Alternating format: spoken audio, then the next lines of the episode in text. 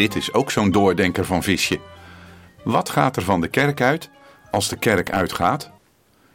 Dat slaat natuurlijk op hoe je je gedraagt als je de kerk verlaat na een eredienst of een andere bijeenkomst.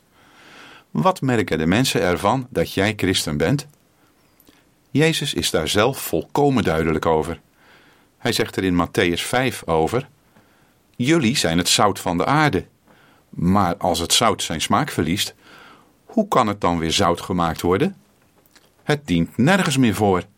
Het wordt weggegooid en vertrapt. Jullie zijn het licht in de wereld. Een stad die bovenop een berg ligt, kan niet verborgen blijven. Men steekt ook geen lamp aan om hem vervolgens onder een korenmaat weg te zetten.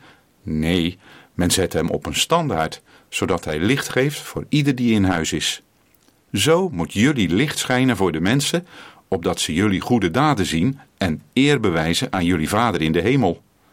Daar gaat het om: goede daden tonen en zo laten zien wie Christus is. Dan bewijs je hem eer. Ja, Visje stelt inderdaad de goede vraag. Wat gaat er van je uit buiten de kerk?